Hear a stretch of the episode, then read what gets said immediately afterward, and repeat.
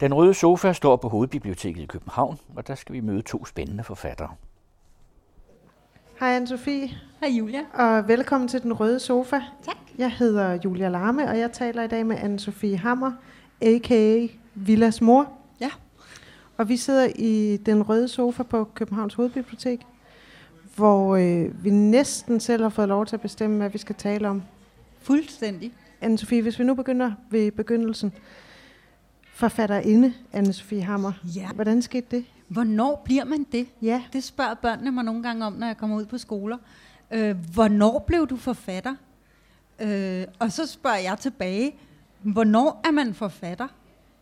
Er man det, når man begynder at skrive? Fordi så var jeg det, fra jeg var 6 år. Eller er man det, når folk gider at læse det, man skriver? Fordi så tror jeg, at jeg var mere måske 36. Og hvad skete der? Du satte dig ned. Du, har, du havde et dayjob. Det var mange år at øve sig. Ja. Ja. Men du havde et øh, ganske almindeligt job, havde jeg sagt, for det. Ja. havde du ikke rigtigt. Du var tekstforfatter og skrev om, har jeg lært i dag, mobile Marketing. marketing. Ja. Ja, Ja. Skrev tekster øh. til det. Jeg, jeg, jeg skrev sådan hjemmesidetekster og manuskripter til sådan nogle mobile learning og alt sådan noget meget fancy.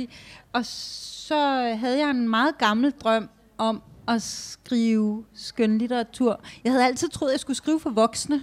Og det Ja. ja. havde jeg øvet mig på, også som ung, hvor man i virkeligheden ikke er helt voksen. Der havde jeg skrevet nogle meget voksenagtige ting. Med folk, øh, der led og sådan noget. Ja, folk, der led. Ja, Ja, det er, det er jo definitionen på en voksen bog. Ikke? Folk har ondt i livet. Nå, jeg troede, det var sådan noget øh, young adults. Nej, der Nå, dør der de. lider der de også. De. Jamen, ellers er de døde, ja, inden ja, de starter. Ja. Ja. Nå, men i hvert fald, så, så forsøgte jeg at skrive en masse med nogle store følelser, og søgte også ind på forfatterskolen faktisk, og kom til samtale også. Uh, Flot. og gik helt i chok over, hvordan den der samtale forløb, fordi jeg havde selvfølgelig overhovedet ikke forberedt mig, fordi, og jeg ved heller ikke helt, hvad jeg skulle have gjort, fordi internettet fandtes jo ikke på det tidspunkt. Så jeg ved ikke, altså jeg Men hvad nok... skete der til den samtale? Hvad- Hvad undrede Øhm, dig? jamen, de var bare, altså de var ret ubehagelige, og det ved jeg jo godt nu, at det, det var måske sådan lidt stilen, men dengang, der var jeg helt i chok over det. Nå, men jeg, jeg, det, jeg kom ikke ind. Nej. Det var det, der var essensen. Øh, Og så skrinlagde du alle dine drømme. nej, Nej. det gjorde jeg ikke. Jeg fortsatte med at skrive stille og roligt hjemme hos mig selv. Øh, men jeg gjorde aldrig rigtig noget af det sådan helt færdigt. Jo, så lavede jeg nogle noveller og sådan noget, som jeg ikke rigtig viste til så mange. Og det var det, og så blev jeg gift og fik nogle børn, og begyndte at tænke, om det kan også være, ej, det var også meget fedt at lege øh, sådan lidt karriereagtig, at være tekstforfatter og gå med høje hæle og sådan, ah, det var meget fedt. Og så øh, fik jeg barn nummer tre, og så gik jeg hjemme et par år, fordi jeg tænkte sådan, um, der havde jeg faktisk sagt mit job op. Øh, jeg tænkte, nu skal jeg lige finde ud af, hvad det egentlig er, jeg vil med mit liv. Fordi nu har jeg jo prøvet det der med at være tekstforfatter. Det var meget sjovt at prøve, men det var jo ikke det, jeg skulle. Jeg skulle Nej. et eller andet andet. Og så gik jeg tænkt rigtig længe over det. Og snakkede også med en coach om, hvad var det lige, jeg skulle med mit liv? Og det viste sig, at jeg gik og havde den her idé til sådan en børnebog, som jeg bare synes manglede helt vildt. Og hun var sådan, "Nå, men så kunne du jo skrive den, og jeg, det havde jeg lidt svært ved at komme i gang med. Men så sådan nogle coaches, de kan jo sådan noget, hvor man laver, så laver man sådan en aftale. Men Hvad hvis du bare skrev en time hver dag? Og så gik jeg i gang med det. Og så startede jeg på at arbejde igen, men så fik jeg faktisk lavet den der, øh, jeg vendte faktisk tilbage til mit gamle arbejde. Jeg kom Ja. rigtig krybende tilbage, fordi jeg vidste ikke, hvad jeg ellers skulle finde på. Men så fik jeg lavet den der børnebog færdig. Ja. Og det var Villas. Det var Villas. og så viste det sig, at det var ret sjovt at skrive for børn, faktisk. Altså, det havde jeg jo ikke prøvet før. Men hvordan var det at skrive for børn? Altså, sådan ud over smerten, havde jeg nær sagt, ikke? Altså, Jamen, det var jo også det der med at skrive noget humoristisk. Det Ja. havde jeg jo heller aldrig forsøgt mig i den genre før. Og det var jo faktisk sjovt. Altså, det giver lidt sig selv. Det var skide sjovt. hvis det er et upassende spørgsmål, det her, det er, der er jo nogle forfattere, som faktisk bliver meget kede af, at man spørger om det her. Men øh, så må du lige sige det til Ja, mig, eller sparke mig blidt over skinbenet. Ja, Vi sidder jo ret tæt. Ja. Men var det svært at skrive, eller var det faktisk nemt at skrive Villas fra Valby? Det var begge, begge dele, tror jeg. Altså, det, det kom nemt til mig. Jeg skrev historierne ret hurtigt. Sådan, altså, du ved, sådan i, i størrelsesorden en historie om dagen, eller sådan noget. Ikke? Ja. Men det var jo bare altså, en råskitse, og så kom det svære bagefter. Ja, når man skal øh. Kigge på det for 14. gang. Ja. ja, eller når redaktøren også, altså da der på et tidspunkt kom en redaktør på, som begyndte at sige, det er rigtig fint, du skal bare lige, og så sidder man og tænker, nej, det kan jeg ikke. Det, det, ej, det er alt for svært, og det kan jeg ikke, og det, kan, det finder jeg aldrig ud af. Øhm, men det, det gjorde jeg jo, det kan man se, når man kigger ned på alle de bøger, vi har legnet op her Ja. foran os. Altså jeg, dem- jeg fandt ud af det. Ja, det kan man roligt sige. Jeg, jeg har faktisk ikke talt dine din, uh, samlede værker, Anne-Sophie. Nej. Men altså, der ligger en, øh, en faglade af ikke bare Villas fra Valby bøger, men også øh, Paris. Ja, Paris Belinda, Belinda. Hansen. Ja. Og så og har vi en, en, der hedder Maja Dylan Walker, som er en øh, ungdomsbog. Ganske ny. Og så er der Ja. en, der udkommer lige om lidt. Ja, Ja. som hedder Vi ses Pellerøv. Og den er faktisk ikke sjov. Den, den er sådan lidt trist, eller sådan poetisk trist. Og derfor sænker du stemmen. Øh, ja, Ja. ja. Om det er fordi, jeg ved godt, at nu er der sådan lidt efterhånden en forventning om, at jeg skal skrive noget sjovt. Ja. Og det er derfor, jeg har travlt med at sige, selvom titlen lyder sjov, Vi ses Pellerøv, og børnene griner, når jeg sådan viser dem, det er min nye bog, Vi ses Pellerøv. Hun sagde røv. Den handler om øh, en dreng, hvis onkel er ludoman og pludselig forsvinder. Øh, så det er sådan, der er vi over i sådan noget helt andet. Ja. Ja. Men du fortalte mig, at den kan læses af 9-årige. Ja, fra ni år, ja. ja. ja. Og det er en, man læser højt. Det kunne man godt. Du ved godt, at øh, den tidligere undervisningsminister sagde, at vi skulle læse højt 20 minutter for vores børn hver dag. Ikke? Nej, nej, det- nej, børnene skal læse 20 minutter hver dag. Skulle vi ikke læse højt for dem også Nej, 20 du skal minutter? læse en time. Det tager en time at læse et Harry Potter-afsnit. Nej. Øh, de skal læse 20 minutter hver dag. Det er det svære, synes jeg. Det er jo ikke svært at læse højt for dem. Det kan Nej. man jo bare. Det gider de jo også godt. Det skal de ikke piskes til. Nej, men de skal faktisk læse selv, ikke? Jo, det er svært. Og det er stort, når de ja. Kan. Ja, Det store gennembrud. ja. Ja, ja, det er super fedt. Ja. ja. Men og så få dem til at blive ved med det, det kan godt være lidt vanskeligt, synes jeg. Ja, man siger jo, man taber drengene. Ja, jeg, jeg synes, man taber både drenge og piger af min erfaring hjemmefra. Men jeg, jeg er den store bogpusher derhjemme. De skal bare sådan kigge en lille smule interesseret på en bog, så har jeg skaffet den. Ja, men øh, sådan kører det også hjemme hos os. Elias, min den ældste, han er 9 år, han har lige fået hul på det. Og øh, det var større for mig, end det var for ham. øh, men jeg prøver selvfølgelig at være unuanceret og lidt ligeglad, så han ikke øh, føler, at jeg presser ham for meget. Ikke? Okay. Mens jeg sådan skubber bøger hen til ham. Ja, Hele okay. tiden, en lindstrøm. Det har jeg aldrig prøvet. Altså, ungerne, de ved bare, det betyder så meget for mig at læse nu en bog. Ja, ja. Ja. det gør det også. Mm. De skal bare læse. Men øh, nu er du jo blevet øh, berømt forfatterinde. Simpelthen Anne-Sophie. berømt. Ja. Hvor er limousinen? Er et spørgsmål, jeg ved, du har fået. Ja, altså, altså når man kommer ud på skoler øh, og møder de der, det er jo indskolingsbørn, så de er jo sådan ret umiddelbare. Så deres spørgsmål, det er jo sådan noget med, hvordan er det at være berømt? Og så må jeg også sige til det, altså, altså jeg, jeg kan godt gå i brusen, uden at folk de standser mig. altså, for de forestiller sig ligesom sådan, åh, du må være rig, og du må være berømt, og sådan noget. Og så fortæller jeg dem for det første det der med, hvor super, super smart det er, at, øh, at folk de kan kende mit navn fra, fra øh, det står på forsiden af bøgerne, men at de ikke kender mit fjes, så jeg kan bare gå hen ad gaden uden nogen problemer. Og det synes de på en måde er lidt synd for mig. Øh, altså fordi, Ja. Og det er jo fordi, jeg har ikke været i fjernsynet. Nej. Øhm, og det er jo der, at man bliver sådan rigtig kendt. Ja. Øhm, og, øh, og, og børnene kan ikke forstå, jeg synes, det er så smart. Øhm, Nej. de synes, det er lidt synd for mig, at jeg ikke bliver standset op i brusen. Øh, jeg synes, det er super smart. Det er den ene ting, jeg fortæller. Og så fortæller jeg dem lidt om, hvor mange mennesker, der har været med til at lave mine bøger. ja.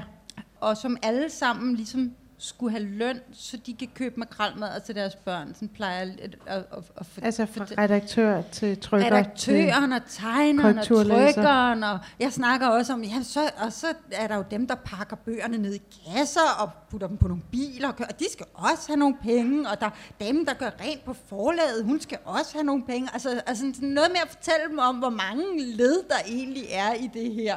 Og Ja. de skal alle sammen ligesom have en lille smule, sådan så jeg kan sige, så når du dig, der sidder der på første række, går ned og køber den her villasbog, så får jeg måske 15 kroner, eller sådan. Altså, så bliver de sådan lidt, hvad? Øh, så I kan godt se, at jeg skal sælge mange villasbøger, hvis jeg skal købe makrelmad til mine børn. Så sådan noget prøver jeg også at, at fortælle dem lidt om, altså hele den der proces. Ja. Men den proces omkring det at være forfatter det at blive forfatter, den har jo taget sådan nogle... Den har jo været lang tid, kan man Ja. sige. Ja. For fem år siden fik vi regnet os frem til, der øh, sprang du ud som fuldtidsforfatter. Øh, Nej, nej, jo. faktisk ikke helt. Der sprang jeg ud som øh, deltidsforfatter. Okay. Jeg havde i nogle år haft en ugentlig skrivedag Ja. øh, som tekstforfatter. På et tidspunkt, hvor der ikke var så meget at lave, der gik jeg ind og sagde øh, til min chef, Øh, ved du hvad, chef? Ej, altså det der, som jeg laver, det, det kan jeg faktisk godt lave på fire dage om ugen. Hvad siger du til det? Det synes han jo var en fed besparelse. Så Ja. jeg fik en ugentlig skrivefri dag.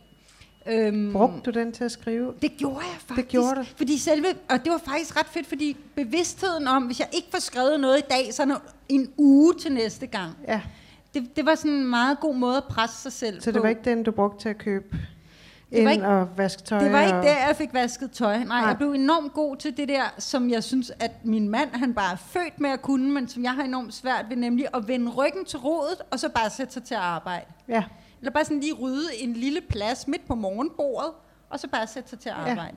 Ja. Øhm, så, øhm, og, og det havde jeg nogle år, og så blev jeg fyret fra mit tekstforfatterjob, og så var det ikke helt der, at jeg sprang ud som fuldtidsforfatter, fordi så gik jeg ned til den lokale fritidsklub og sagde, jeg synes, I skulle ansætte mig. Er det ikke noget med, at der lige er stanset en hernede? Mangler I ikke en personale? Så? Og så ansatte de mig, fordi jeg smilede så pænt til dem. Og, og blinkede og havde taget stramme bukser på. Øhm, og så ansatte de mig, og øh, så arbejdede jeg der i to og et halvt år. Ja. Men, og det smarte ved at have det job, det var jo ikke, at jeg tjente nogen særlige penge, fordi det gør man jo ikke. Men det smarte var, at jeg arbejdede 20 timer om ugen, og at de 20 timer, det var fra 13 til 17. ja. og Altså, du så- kunne holde øje med dine børn måske også? Nej, Nej, nå. men når mine børn de kom hjem fra skole, så gik jeg på arbejde. Rigtig, rigtig ravne mor, men til Ja. gengæld super smart, fordi jeg kunne skrive fred og ro om formiddagen, og når de så kom hjem og forstyrrede, så tog jeg på arbejde. Ja. Mm. Så det kørte. Det kørte et par år, ja. Men nu, Nu er jeg fuldtidsforfatter. og der er jo sket meget i dit forfatterskab. Altså, du har jo øh, opnået altså, nogle helt fantastiske ting. Dine bøger er blevet filmatiseret, for eksempel. Ja. Hvordan var det? Øhm, anderledes. øhm, altså, jeg, jeg, jeg havde, det, var, det var sjovt at prøve at være med til. Altså, jeg ved også godt, hvorfor jeg ikke er i filmbranchen, vil jeg sige. Altså, fordi det var sådan... Jeg, jeg, havde, altså, jeg havde givet slip på figuren, så de kunne filmatisere. Det vidste jeg med mig selv. Nu kommer der nogen og tager min historie og gør noget andet med den, og det var okay.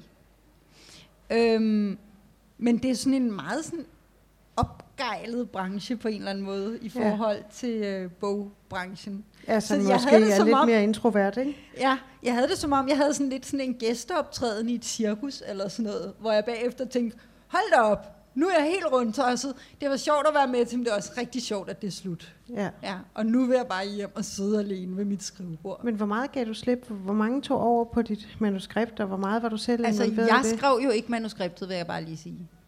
Øh, det var det jo Frederik Nørgaard, der gjorde, som ja. også instruerede og spillede Villas far. Ah. Jeg fik lov til at kommentere på manuskriptet, og det gjorde jeg rigtig meget. Og nogle af tingene lyttede han til. Øhm, og, øh, men, det, men det er hans manuskript. Ja. Altså, og, og der er ting, der optræder i filmen, som aldrig nogensinde er sket i Villas-bøgerne. Øhm, og omvendt selvfølgelig. Men, men øhm, altså, så, så det, altså på den måde, så er, er filmen en anden historie Ja. end, end bøgerne.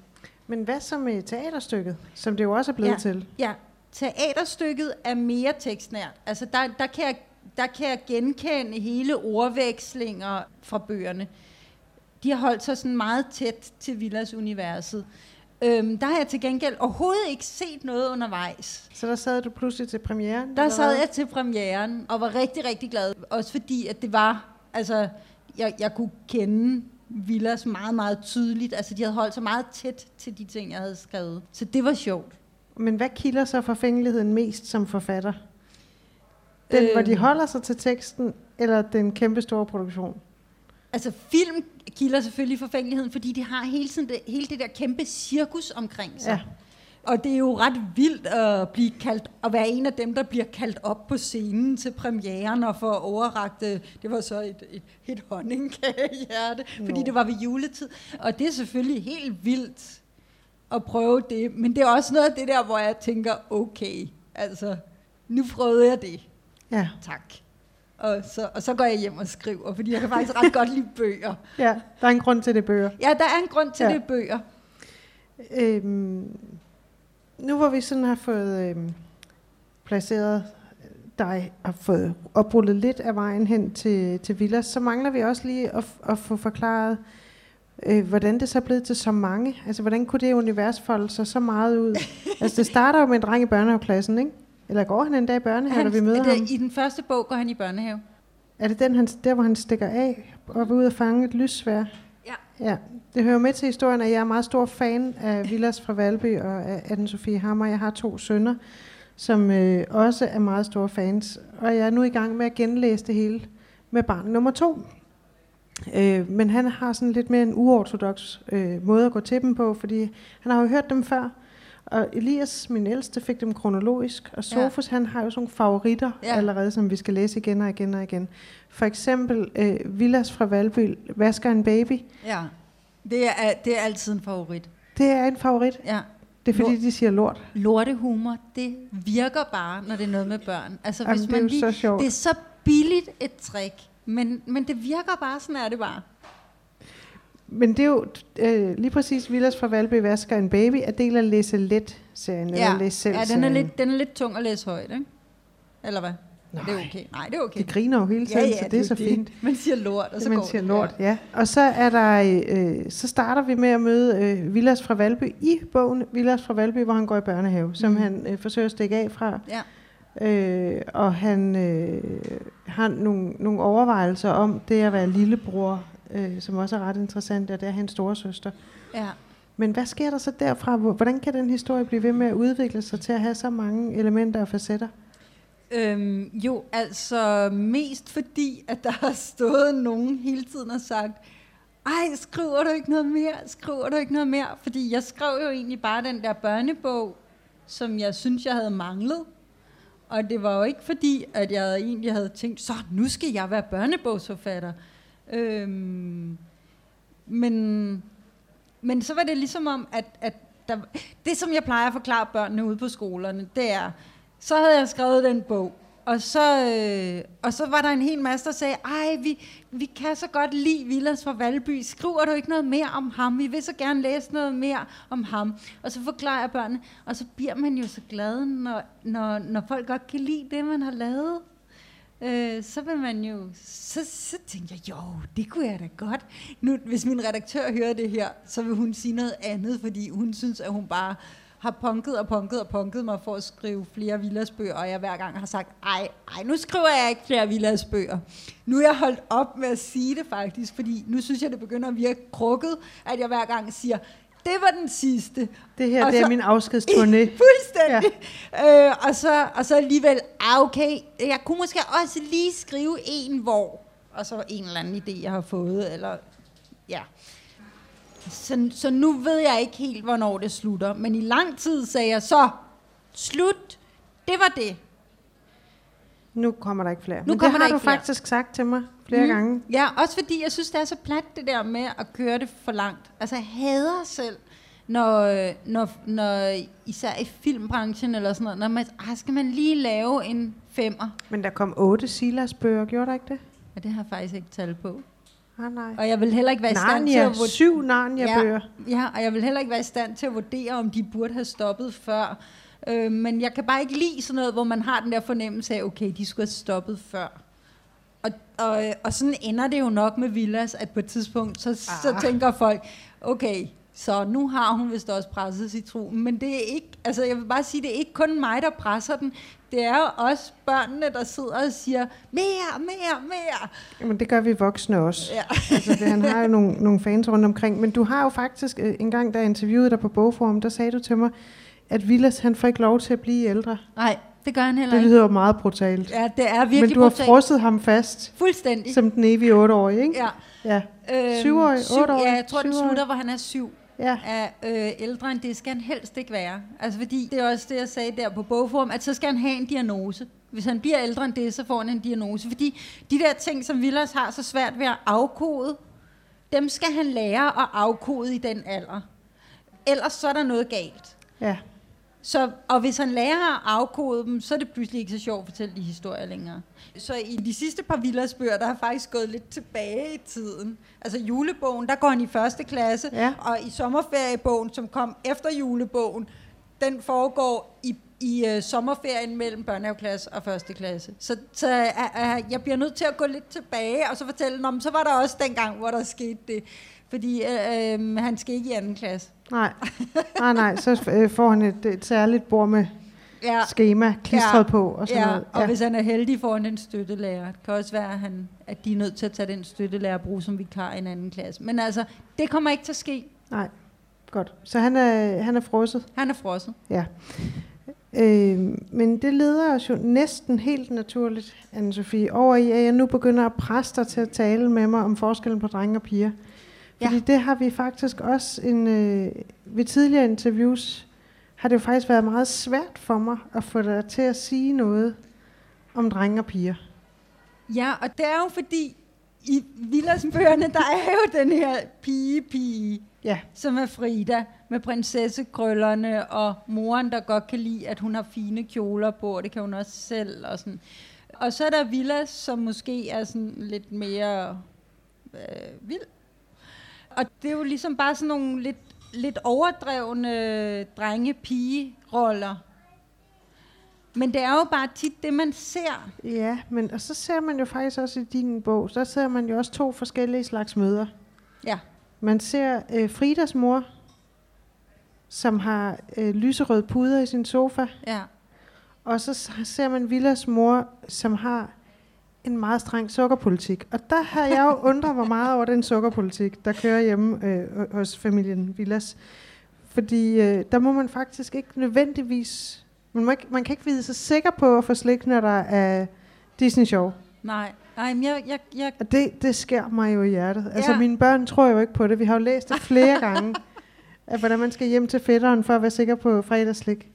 Ja, altså det var egentlig ikke noget, jeg skrev for, at det skulle lyde ondt. Nej, nej, men det, Det var mere, det, måske var det mere for at lave en åbning for forældre, der måske var lidt ligesom mig, og det er ikke fordi, at jeg overhovedet har øh, sådan en nul slik, øh, nul sukker politik overhovedet derhjemme, men vi har bare øh, aldrig ritualiseret slik omkring Disney Det Show. er så sjovt.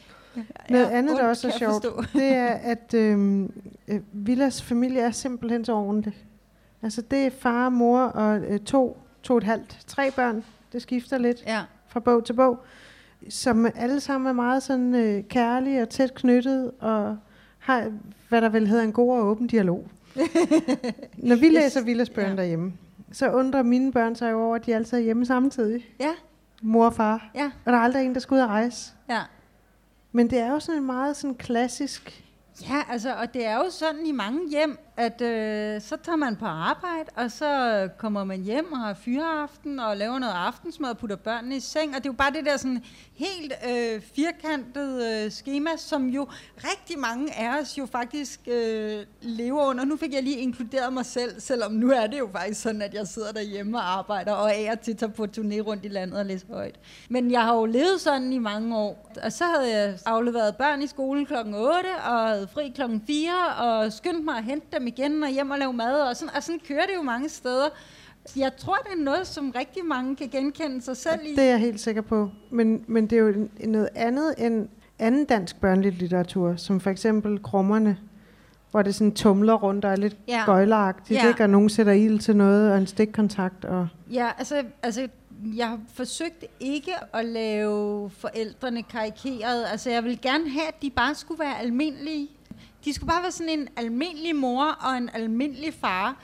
Altså, de er jo ret søde egentlig. Altså, jeg synes, de tager det pænt, selvom Villas laver en del øh, mærkelige ting. Øhm, og det, det gør man måske også langt hen ad vejen, når ens børn tærer sig ja, ellers er hun bare sådan ved at resignere lidt, moren, ikke? Ej, jeg tror, jeg, altså hun forsøger jo at forklare ham nogle ting. I julebogen er der sådan noget, hvor hun forsøger at forklare, at man må ikke sige, ej mor, se den tykke dame derovre, ser hun ikke sjov ud. Han siger det faktisk for at mundre moren op, fordi moren er lidt sur, men det virker slet ikke, viser det sig. Hun vil gerne have, at man skal vente med at snakke om sådan nogle ting, til man kommer hjem. Ja, det er vi mange, der rigtig gerne Ja. vil have. Ja, Ja. Øh, og det tager Villas jo så heldigvis til sig, sådan så han næste gang han ser noget som han synes er lidt sjovt, så siger han til moren, mor, husk lige, vi skal snakke om den der mands næse, når vi kommer hjem. Ikke? Og det er jo sådan, altså, øh, så, men hun forsøger jo at forklare ham det, og på et eller andet tidspunkt tænker jeg, at så lykkes det også. Altså, ja, jeg, jeg og det er synes derfor, også, der, han ikke bliver ældre. det er derfor, han ikke bliver ældre. Ja. Men jeg synes også, der er en tendens til, at han får mindre skal ud. Altså, der er flere gange, ja. Ja. hvor han når at finde på et eller andet, eller hvor det alligevel flasker sig lidt for ham, Ja, end da han gik i børnehave. ja, det er rigtigt. Han snitter ikke helt så mange øh, træffigurer i overført betydning. Nej. Nej. Men øh, hvis vi lige kommer tilbage til det her med pigerne og drengene, ja. som jo er svært at ja. komme, komme rigtig godt ind i, Ja. så er der noget med de her, øh, jeg gider ikke engang sige kønsroller, jeg vil heller ikke sige stereotyper, men der er jo noget med, at drenge kan få lov til noget andet, både i litteraturen og i virkeligheden. Hvor sandsynligt er det, altså, at man... Kunne Villas lige så godt have været en pige, eller er det vigtigt, at han er en dreng? Øhm, han kunne lige så godt have været en pige. Eller nej, han kunne godt have været en pige. Min mellemste, som er en pige, har givet en del inspiration til Villas figuren undervejs. At det var hende, der tissede i en spand nede i børnehaven. Det har jeg ikke engang skrevet med. Øh, en rengøringsspand. Og det var også hende, der smed øh, en af de andre børns sko over hegnet. Også selv klatrede over hegnet og ikke kunne finde ud af at klatre tilbage igen. Og sådan nogle ting. Så Villas kunne godt have været en pige, men, men typisk er han bare en dreng, fordi drengen måske er længere tid om at lære at afkode, hvad det er, de voksne forventer af dem, end piger er. Det tror jeg. Og nu fik du mig alligevel til at sige det. Og det er sådan noget, det er sådan noget som er helt vildt irriterende, når andre siger det. Men som er lidt okay, når jeg selv siger det. Fordi at jeg ved jo godt, at jeg mener det jo ikke så firkantet. Jeg, jeg ved godt, at der er masser, der, er er nuancer. modsat. Ja, altså Ja. der er piger, der er vildere og der er også drenge, der sagtens skal finde ud af lige fra starten og, og holde sig fuldstændig inden for rammerne. Så, så det er ikke så firkantet. Men der er bare en generel tendens til, at piger også dukker så hurtigere, når der kommer en skideballe. Ups, så får de lige alligevel smødt sig udenom, og så står Villas der, hvad? Og så rammer den ham, ikke? Jo. Nu er der nogen, der holder Nu er der koncert. nogen, der spiller musik. Ja. Simpelthen Ja, det baggrundsmusik. er dejligt. Det er dejligt, de synger for os, Anne-Sophie. øh, nej, men jeg, har, jeg kan jo huske, hvordan jeg har siddet og kigget aften efter aften, havde jeg sagt, på mine børn, som er løbet rundt efter en ballon i stuen Ja. på fjerde sal, Ja. Og øh, tænkt misundeligt på de af mine veninder, som har to piger, Ja, der sidder og laver perleplader i Ja. sirlige mønstre, ja, som også er rigtig flotte, og man kan hænge op bagefter. ja. Ja, det kan Ikke? man også blive træt af at se på, vil jeg sige. Men ja, Der er i hvert fald stille. ja. Altså, det er ikke sådan, et, sådan noget inferno-alarm, som jeg Altså, synes, man godt kan, kan være lidt øh, udsat for. Ja, altså jeg ved, jeg ved, jeg synes mine børn, de larmer helt sindssygt meget, siger jeg, med en pige på 18 og en pige på 15 og en dreng på 11. Ja, øh, men det er, de snakker også meget i munden på hinanden, og så har de også, altså, øh, sådan noget med at gå på trapperne, som om de er elefanter. Eller ja, sådan, så du tænker, det, der- den der- der, er indre vildskab, jeg kan ikke få lov til at snakke om, at der er noget med drengen. Jamen, der er helt sikkert noget med drengen. Ja, der er helt sikkert noget Men med hvis man for eksempel kigger på skolesystemet, og nu handler rigtig meget af Villas fra Valby holder jul også om at gå i skole, og Ja. om hvad det vil sige, når man går i skole i julen, og hvad for nogle traditioner man tager med. Der er der jo noget med at sidde stille, og der er noget med at skulle forholde sig til nogle Ja. systemer, Ja. som jeg egentlig synes også er så fint beskrevet, hvor svært det faktisk kan være. ja, alle de her systemer. Ja. Og så er der alle pigerne, der er så ordentlige og kan finde ud af at skrive, vil du komme sammen, Ja. breve, og, øh, og have styr på de sociale relationer, mens øh, drengene mest har styr på at finde ud af, hvor man tisser henne. Ikke? jo. Og også en vigtig ting. Også en meget på. vigtig ting. Ja. Ja. Men, men der er jo sådan nogle, en meget, nogle meget fine forskelle, der er observeret. Jeg er jo feminist og ligestillingsorienteret og alt det her, men øh, Men du tør godt sige det jeg tør alligevel. faktisk godt sige det. Ja, Jeg, jeg ved, jeg vil aldrig nogensinde sige, det, at det er noget biologisk, men jeg tror, der er noget med vores forventninger til piger og drenge. Ikke? Altså at piger... altså der er jo noget biologisk. Altså der er jo nogle forbindelser i hjernen, som Præcis. vokser senere sammen hos Ja. drengen, eller som bliver skabt senere hos drengen. Så, så der er jo det der med, og det er jo lige præcis i den alder, at drenge i virkeligheden burde starte et år senere ja. i skolen, piger. De kommer jo efter det hen ad vejen, det er jo slet ikke det men de er lidt senere på nogle områder. De er jo også lidt senere der, når man, altså hvis man ser på dem der, de der piger, der starter på at gå i puberteten, og drengene bare render rundt der og er super barnlige og pissirriterende, synes pigerne. Ikke? Jo. Så der, der er jo sådan nogle tidspunkter, hvor at de ikke helt følges ad.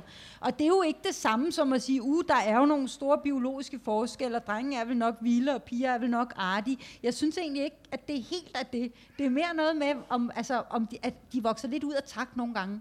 Men tror du, at vi stiller forskellige krav til pigerne eller, eller drengene? Tror du, drengene har mulighed for noget andet, eller pigerne har mulighed for en anden måde at være børn på?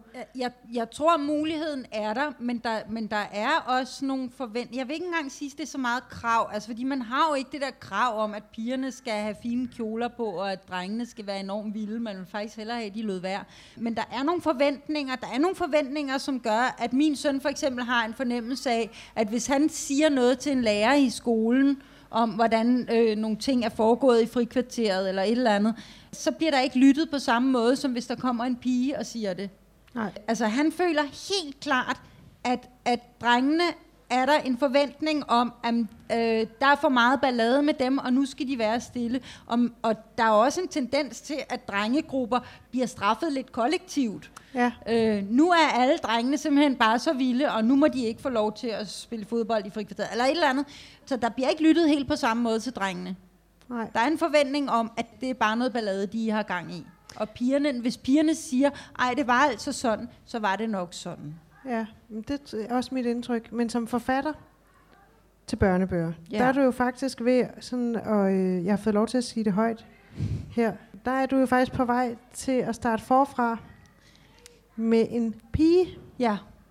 Tænker du over nogle af de her elementer, når du skaber hendes figur, eller vokser det stille og roligt ud af den måde, du bare skriver på?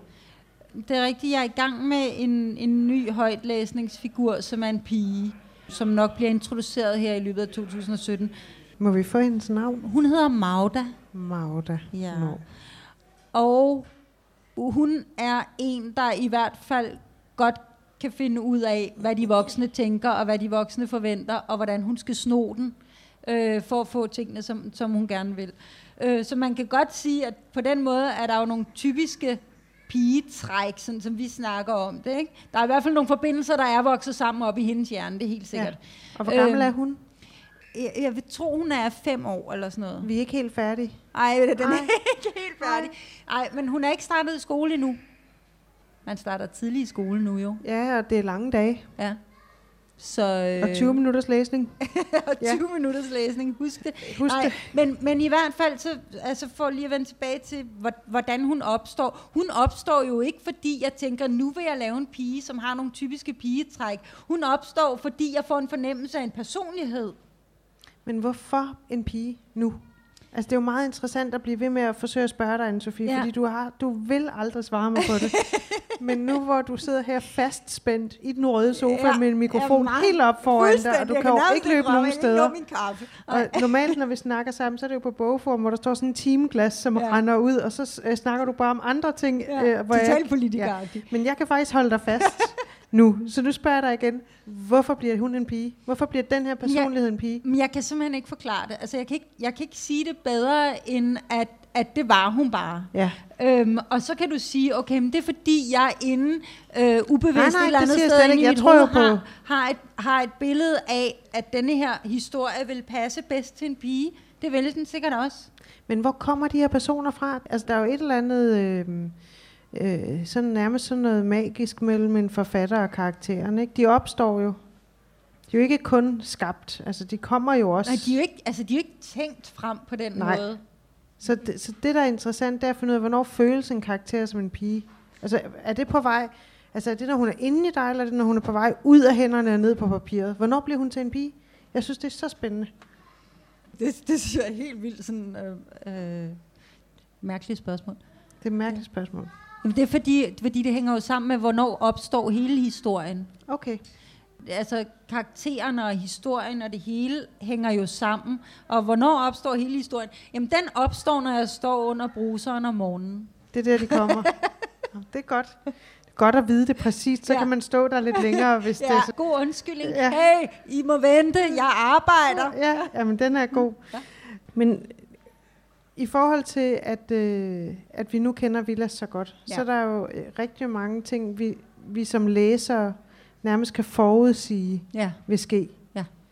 Det er jo en helt vidunderlig følelse, og det er jo noget af det, der gør, at øh, vi bliver ved med at gerne vil læse nyt om ham, og nu siger jeg vi, men det er faktisk lige så meget mig, som det er mine børn, fordi det, der er helt særligt ved Villas, det er jo, at man kan, kan læse ham højt, og der både er en oplevelse til børnene, men der er også gemt nogle oplevelser til, til de voksne. det er i hvert fald tanken, at, at man behøver ikke at sidde og kede sig ihjel som voksen, mens man læser højt. Altså fordi det er bare dødens pølse, især hvis man har det sådan, at man skal læse hvad er det, 20 minutter? En 20, time? 20 minutter.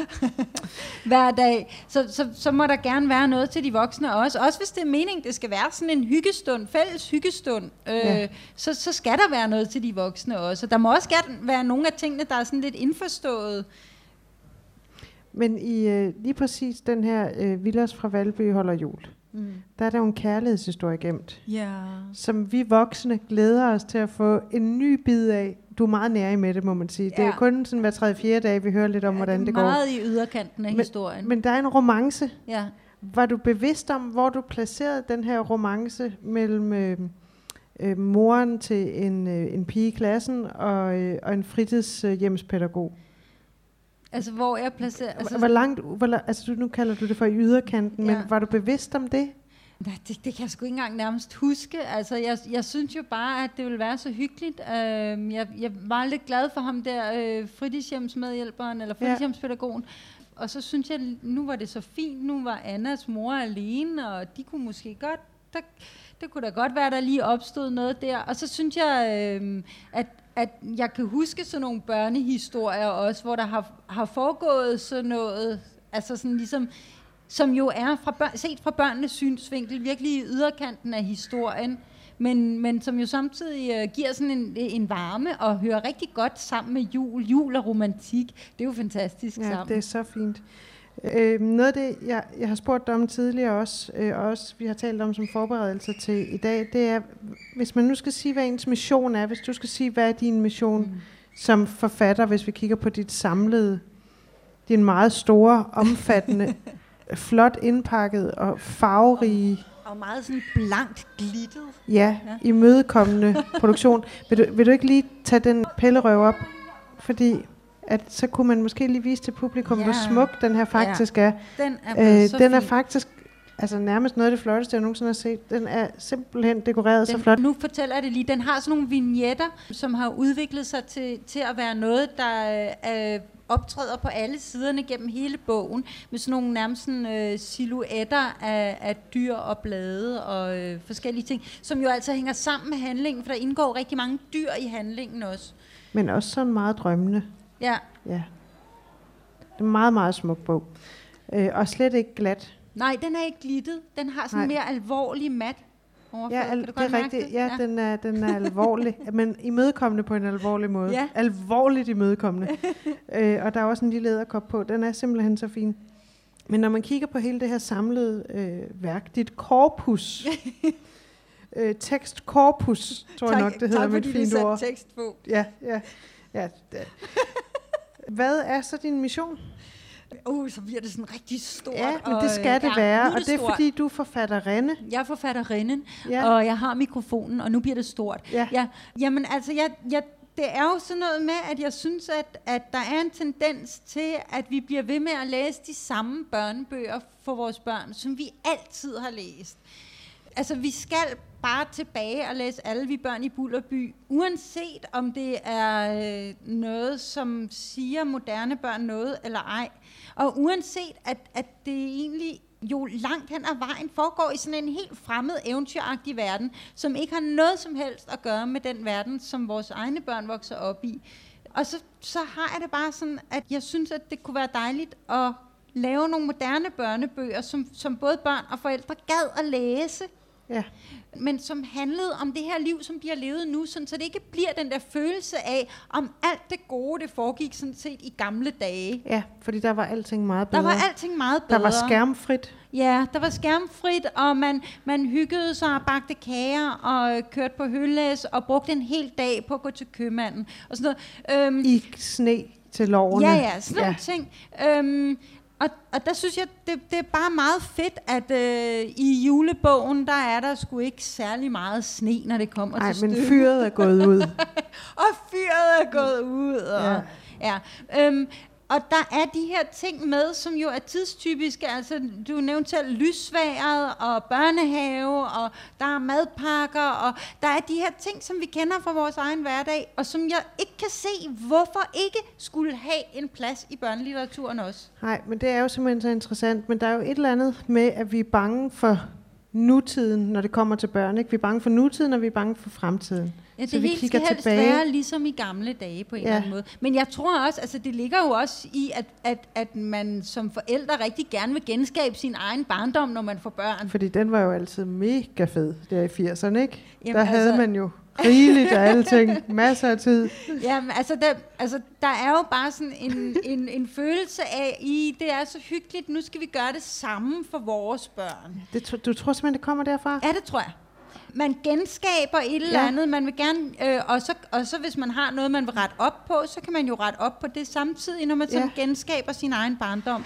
Og det er alt sammen enormt smukt, men det er bare ikke vores egen barndom, som vores børn de lever. De lever en helt, helt anden tid. Ja. Og, og der kan sagtens være nogle, nogle fantastiske ting at fortælle om det også. Altså det er ikke nødvendigvis dårligere. Nej, det er det Måske bestemt er der oven i købet noget af det, der er bedre. Altså, der er i hvert fald Nintendo. Der er i hvert fald Nintendo. Om det så er bedre end, end hvad hedder de, uh, bip-bip-spil, det Bip, ved bip, jeg spil. Jamen, den, de var jo også onde, dengang de kom ud. Ikke? Men Sofies ønske om at skabe en samtid, der også er god og værd at fortælle om, så tror jeg, at vi øh, stille og roligt runder af her. Ja. Jeg vil gerne sige, at jeg glæder mig til at møde Magda.